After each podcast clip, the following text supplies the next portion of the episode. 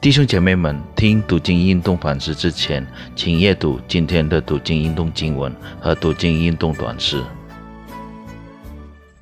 主内弟兄姐妹们平安。今天是受难节，我们要纪念耶稣的受难和他在哥哥他山的死亡。耶稣基督完全顺服天父上帝的旨意，以至于死，却死在十字架上。但愿耶稣基督伟大无比的牺牲，使我们更加的爱主。圣灵帮助我们，让我们可以以基督的心为心，完全的依靠，完全顺服天父上帝的旨意。还没思想上帝的话之前，请大家和我一同低头祷告。亲爱的天父上帝，我们感谢你赐给我们伟大无比、无条件的爱。我们感谢主耶稣愿意完全的顺服，牺牲了自己的生命，使我们可以得着生命。感谢圣灵不断的住在我们心里面，帮助我们，引导我们每一天的脚步。主啊，恳求你。使我们可以更加的爱你，更深的爱你，让你的话语不断的充满我们的心，照耀我们的心，使我们更加的明白你的旨意，遵行你的旨意。我们祷告是奉主耶稣基督的圣的名，阿门。我们今天的主题是耶稣的生命。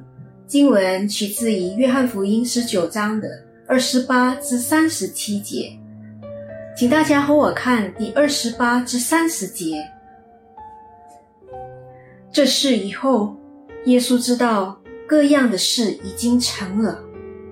我要使经上的话应验，就说：“我渴了。”有一个器皿盛满了醋，放在那里。他们就拿海龙蘸满了醋，绑在牛膝草上，送到他口。耶稣尝了那醋，就说：“成了。”便低下头，将灵魂交付神了。耶稣非常清楚，他来到这世界上的主要目的是要完成天父上帝的旨意，实现了所有就业。有关米赛亚的预言，完成了天赋上帝为人类计划的救赎恩典。因此，耶稣从小年纪都已经很清楚知道了，他来到这世界上的主要目的是要以天赋上帝的事为念。路加福音记载了耶稣在十二岁的时候，这样的对母亲玛利亚说。为什么找我呢？岂不知我应当以我父的事为念吗？耶稣在他三年的施工时，也不断的告诉他的门徒和众人说：“因为我从天上降下来，不是要按自己的意思行，乃是要按那差我来者的意思行。”耶稣知道往十字架的路是不容易的，耶稣自己也挣扎了。在哥西玛尼岩时，在痛苦中向天父祈祷说：“我父啊，倘若可行，求你叫这杯离开我；然而不要照我的意思，只要照你的意思。”虽然耶稣面对挣扎，但最终他也完全的顺服天父上帝的旨意。前往十字架的路。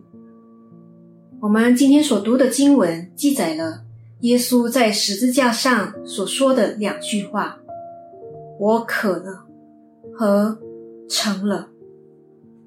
在痛苦和挣扎中，耶稣说：“我渴了”，这证明了耶稣的人性。耶稣是完全的神，但他也是完全的人。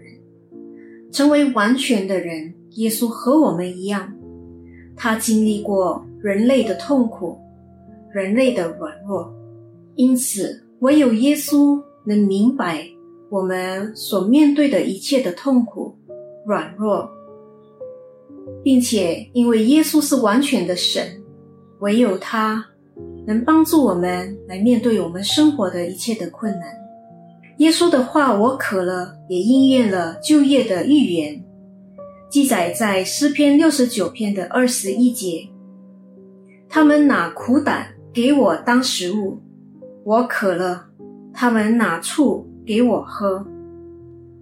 尝了那醋之后，耶稣就说：“成了。”耶稣完成了他来到这世界的目的。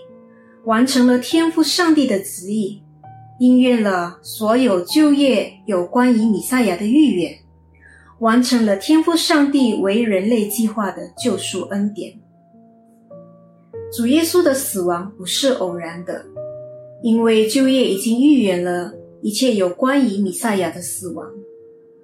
耶稣的死亡也不是因为他输给那抵挡他的人，而是耶稣自己。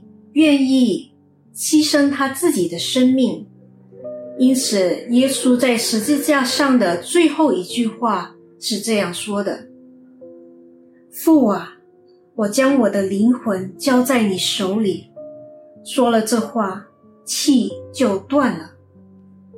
天意合唱团有一首诗歌是这样描述我们的救主：世上有哪一位神？为世人而生，世上有哪一位神为世人而死？世上有哪一位神为世人复活？世上有哪一位救主今天仍活着？是的，在人类的历史上，没有任何神愿意为人类牺牲自己的生命，唯有我们的救主耶稣基督愿意牺牲他自己的生命。好让我们可以得着永恒的生命，唯有我们的救主耶稣基督愿意被钉在十字架上，好让我们可以得到自由，我们可以得到罪的释放。如此牺牲的爱，唯有相信的人才能明白。但愿圣灵帮助我们，让我们可以更深的爱主，让我们可以以基督的心为心。我们低头祷告，主啊，是的，唯有你愿意来到这世界上，牺牲自己的生命，为了救赎我们，牺牲了自己的生命，好让我们可以得着永恒的生命。这奇妙伟大无比的爱，我们不能彻透的。我们不能明白，但我们感谢你，你救赎了我们，使我们得到释放，使我们得到自由。恳求圣灵帮助我们，让我们可以珍惜我们这新生命，让我们活出耶稣基督的生命在我们的日常生活。感谢天父去听祷告，奉主耶稣得胜的名祈求祷告，阿门。主内弟兄姐妹们，愿上帝赐福你们，再见。